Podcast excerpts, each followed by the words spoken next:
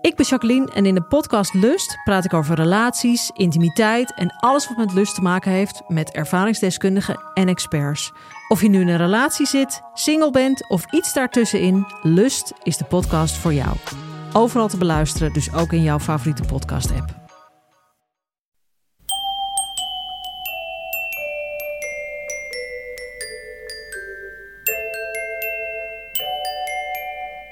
Welkom bij aflevering 347 van Echt Gebeurd, de podcast waarin mensen hun eigen waargebeurde verhalen vertellen. In deze aflevering doen we iets speciaals. Want de Echt Gebeurd middagen worden afwisselend gepresenteerd door mij, Danien Cornelissen. En mij, Micha Bertheim. En vaak vertellen we op zo'n middag zelf ook nog een klein verhaal dat past bij het thema van die middag.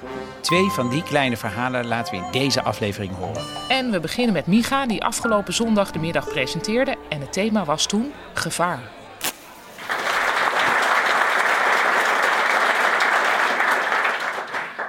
Ik ben nu niet bang, maar verder vrijwel altijd. Dat zit gewoon in mij. Ik zie dat niet eens als een slechte eigenschap. Ik zie dat gewoon als een vorm van op mijn hoede zijn, rekening houden met wat er allemaal mis kan gaan. Dat heb ik al uh, op de lagere school had ik dat met de, met de zesde klas, wat nu groep 8 heet. Dat ik wist als groep 8 speelkwartier heeft, oppassen.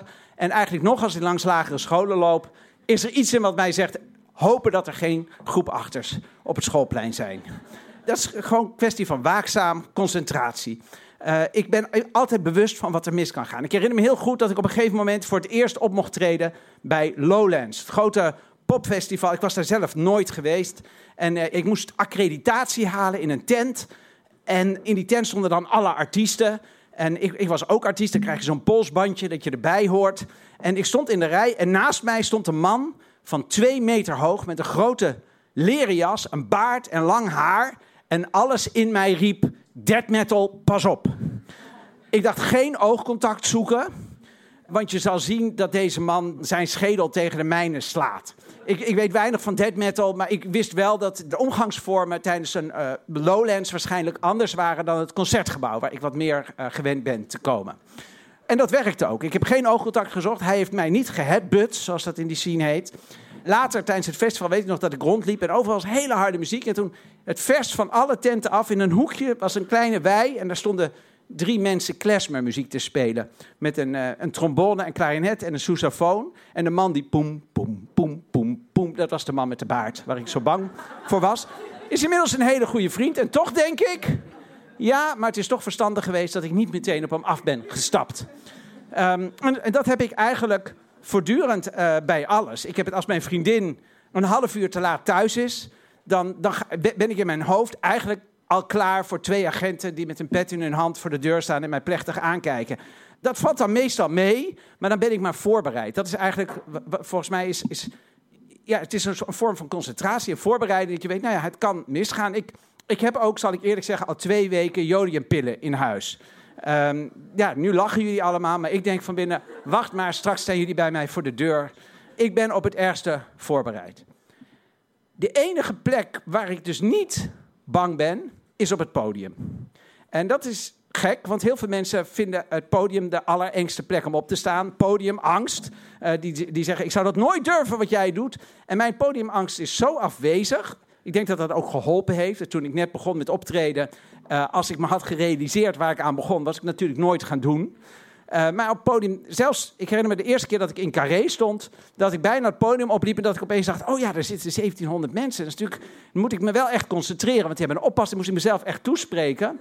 Uh, want ik heb die podiumangst niet. En, en dat doet me ook realiseren dat die angst is heel bijzonder en belangrijk. Want als je die wel hebt, dan ga je extra je best doen. Dan denk je, oh ja, ik moet die mensen vermaken. En ik heb regelmatig dat ik het podium opliep en ik dacht, oh ja, shit, ze zijn er al. Uh, en dan moest ik beginnen. De eerste keer dat ik echt doordrongen raakte van hoe afwezig alle angst was bij mij op het podium was toen ik uh, 15 jaar geleden aan het toeren was met, met mijn eerste programma. In een klein zaaltje in Dordrecht had ik op. En uh, een tribune met iets van, van, van, van 100 man voor mij. En ik was bezig. En midden in de voorstelling ging er een telefoon af. En niet alleen dat, die telefoon werd ook opgenomen door een man in het publiek. Die zei zijn naam, die zei hallo. En die deed zo naar mij van, ik moet even bellen. En liep toen al bellend de zaal uit, zo van, ik kom zo terug. En ik was helemaal verbouwereerd. Denk, nou, maar het werd nog gekker. Want vijf minuten later gaat de deur open, komt die man weer terug. Zo van, ik ben er weer.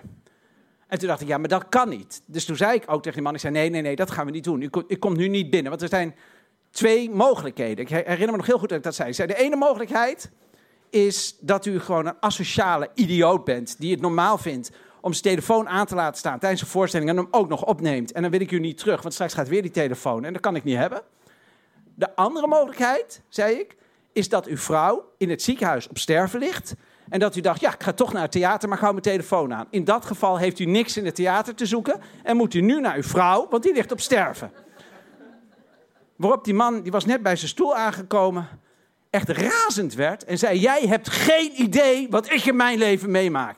En hij stapt zo tussen het publiek door naar voren en komt op mij af met een vuist, echt klaar om mij op mijn bek te slaan. Was dan alles duidelijk. En ik weet nog, ik zie het in een soort film gebeuren. En voor ik het wist, zei ik: Oh, maar u staat met uw rug naar het publiek. En dat is eigenlijk het allereerste wat ze je leren. Op het podium moeten mensen jou wel kunnen zien.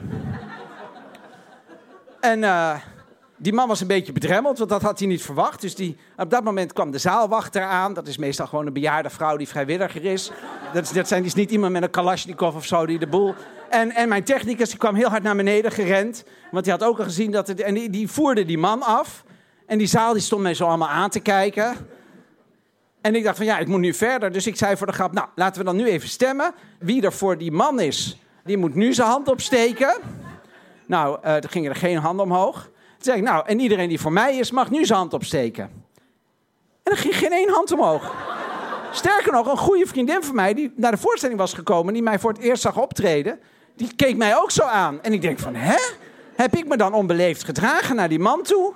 En uh, nou, na afloop, toen, toen sprak ik haar na afloop. En toen zei maar waarom, waarom was je nou niet voor mij? Toen zei ze, ja, maar ik vond het zo eng. Die man stond op het puntje op je gezicht te staan. Ik heb de laatste vijf minuten daarna helemaal niks meer gehoord. Ik hoorde die hele vraag niet. Het was een hele bedreigende situatie. Waarmee ik niet wil zeggen dat ik op het podium een held ben. Hooguit dat ik op het podium niet in staat ben om een goede risicoanalyse te maken. Dat was een verhaal van Micha Wertheim. Micha is een van de oprichters van Echt Gebeurd, maar hij is ook cabaretier. En hij toert op dit moment door het hele land met zijn nieuwe voorstelling Micha Wertheim voor heel even. Ik verheug me hier zelf al enorm op. En ik ga sterker nog nu op michawertheim.nl kijken wanneer hij bij mij in de buurt optreedt. En terwijl jij dat doet, ga ik nu het volgende verhaal aankondigen. Een verhaal dat Paulien Cornelissen vertelde toen ze een middag presenteerde rond het thema ouders.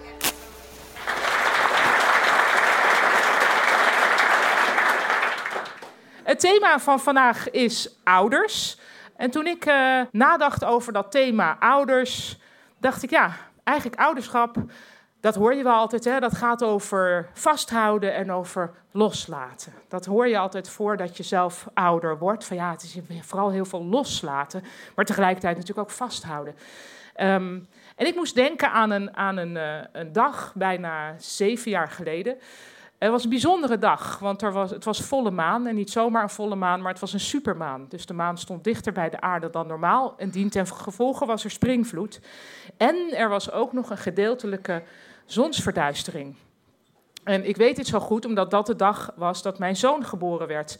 En natuurlijk vind ik aan die dag het bijzonderste dat hij geboren werd. Maar hij is inmiddels bijna zeven. En hij vindt het heel belangrijk dat er een supermaan was. En springvloed. En een gedeeltelijke zonsverduistering. Hij zegt zelf altijd zonsverduistering. Dan zeg ik nou gedeeltelijke zonsverduistering. Um, die nacht had ik weeën gekregen. En ik wist van ja, dit, dit zijn de echte weeën. We moeten naar het ziekenhuis en ik kom hier pas weer terug als ik moeder ben. Dat was heel gek. En uh, omdat dat natuurlijk een gekke situatie is, had ik wel de behoefte om controle te hebben, om me vast te houden aan dingen. En daarom had ik bij mij naar het ziekenhuis een heel grote, zo'n grote ja, yogabal. Um, grote soort oefenbal die je ook wel in de sportschool ziet. Die had ik bij me omdat ik had geleerd dat je daarop kon gaan zitten bouncen om weeën op te vangen. Um, ik weet nog dat ik daar midden in de nacht aankwam in het ziekenhuis met die bal. En dat die mensen echt zo waren van, oh ja, heb je weer zo'n vrouw met zo'n bal. Prima. Nou, dus ik zo daar, ik heb die bal, eh, ja, ik dacht eerst, ja, nu heb ik hem duidelijk nog niet nodig, want dit gaat allemaal nog wel. Ik zat die weeën zelf op te vangen en al gaandeweg bleek uh, dat mijn weeën heel erg waren. Want dat kon je dus meten met een apparaat. Er werd gemeten en dan kwamen ze zo vragen van gaat het? Maar ik bleek ook een soort hoge pijngrens te hebben. Dus ik zei de hele tijd van ja, dit gaat nog wel. Ik zat in een soort trance en ik kon dat opvangen. En zij zei de hele tijd ja, het is nu wel heel erg. En ik zei dan ja, het gaat nog wel. Het gaat nog wel. Want ja, als je een kind krijgt, moet je daar natuurlijk alles voor over hebben. Dus ook alle pijn. Dus ik zat gewoon dat ja, op te vangen. En toen um, op een gegeven moment bleek ook dat ik geen ontsluiting had. En voor wie uh, niet weet wat dat is, dat is dat je baarmoeder moet een stuk open, want anders kan dat hoofd er, er niet uit door, uh, door geboortegang. En dat is dan ineens de nieuwe naam voor je vagina. Um, de, ja, dat is heel raar. Krijgt, het zijn niet eens allemaal andere woorden. Nou, geen ontsluiting. Ja, oké. Uh, nou, maar ik maar opvangen. Geen ontsluiting. En ze, ze hielden. En eigenlijk gaat alles goed. Uh, tot het moment dat ineens je hele kamer vol staat met medisch personeel. En ik van, wat, wat is er aan de hand? Ik was in mijn trance, ik was aan het opvangen. En toen zeiden ze van, uh, ja, de uh, hartslag van je baby gaat even wat minder. En ik van, en meteen in paniek natuurlijk. En zei ze van, nee, nee, geen paniek, gaat gewoon even wat minder. Wij zitten nu toch te denken aan een, aan een noodkeizersnede. wat denk jij? En dit is uh, wat ik expliciet heel erg vervelend vind aan de medische stand. Terwijl ik weet, dat is natuurlijk heel goed, hè, dat ze de patiënt deelgenoot willen maken van het proces. Niet zomaar hun macht willen opleggen, maar echt zo samen. Maar wat ga ik op dat moment zeggen? Van nee, ik denk met deze bloedwaarde dat we nog even door. Nee, weet ik veel.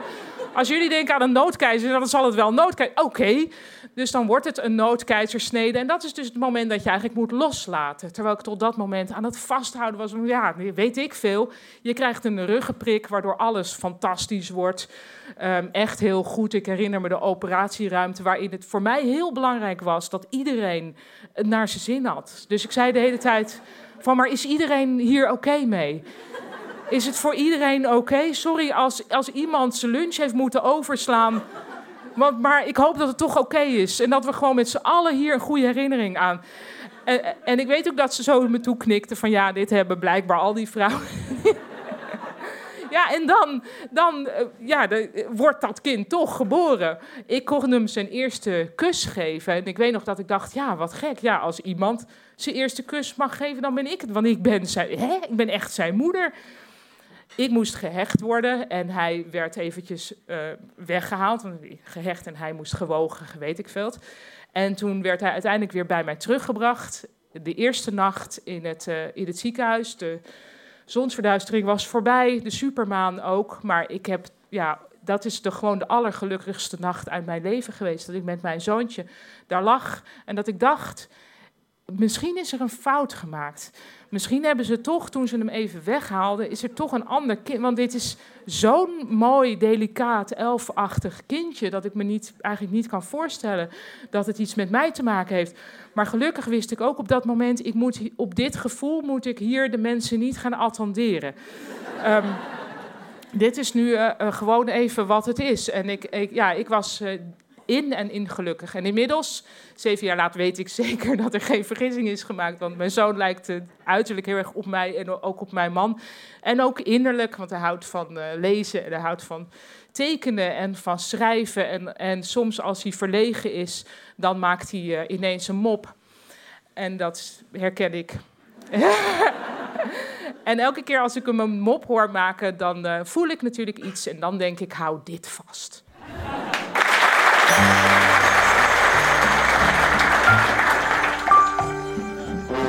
Je hoorde een verhaal van Paulien Cornelissen. En ook Paulien is een van de oprichters van Echt Gebeurd. Maar ze is ook cabaretier. En ze toert momenteel door het land met haar nieuwe theatervoorstelling Aanstalten. Ik heb al op pauliencornelissen.nl gekeken wanneer ik daarheen ga. De redactie van Echt Gebeurd bestaat uit Micha Wertheim, Paulien Cornelissen, Dijke Aarts, Renette Kwakkenbos, Tom van Rooyen en Maarten Westerveen. Productie Hanna Ebbingen. Zaaltechniek Jasper van Oorschot. En Florian Jankowski. Podcast Gijsbert van der Wal. Dit was aflevering 347. Volgende week weer een verhaal van een van onze vertellers. En vergeet ondertussen niet... Jij hebt geen idee wat ik in mijn leven meemaak.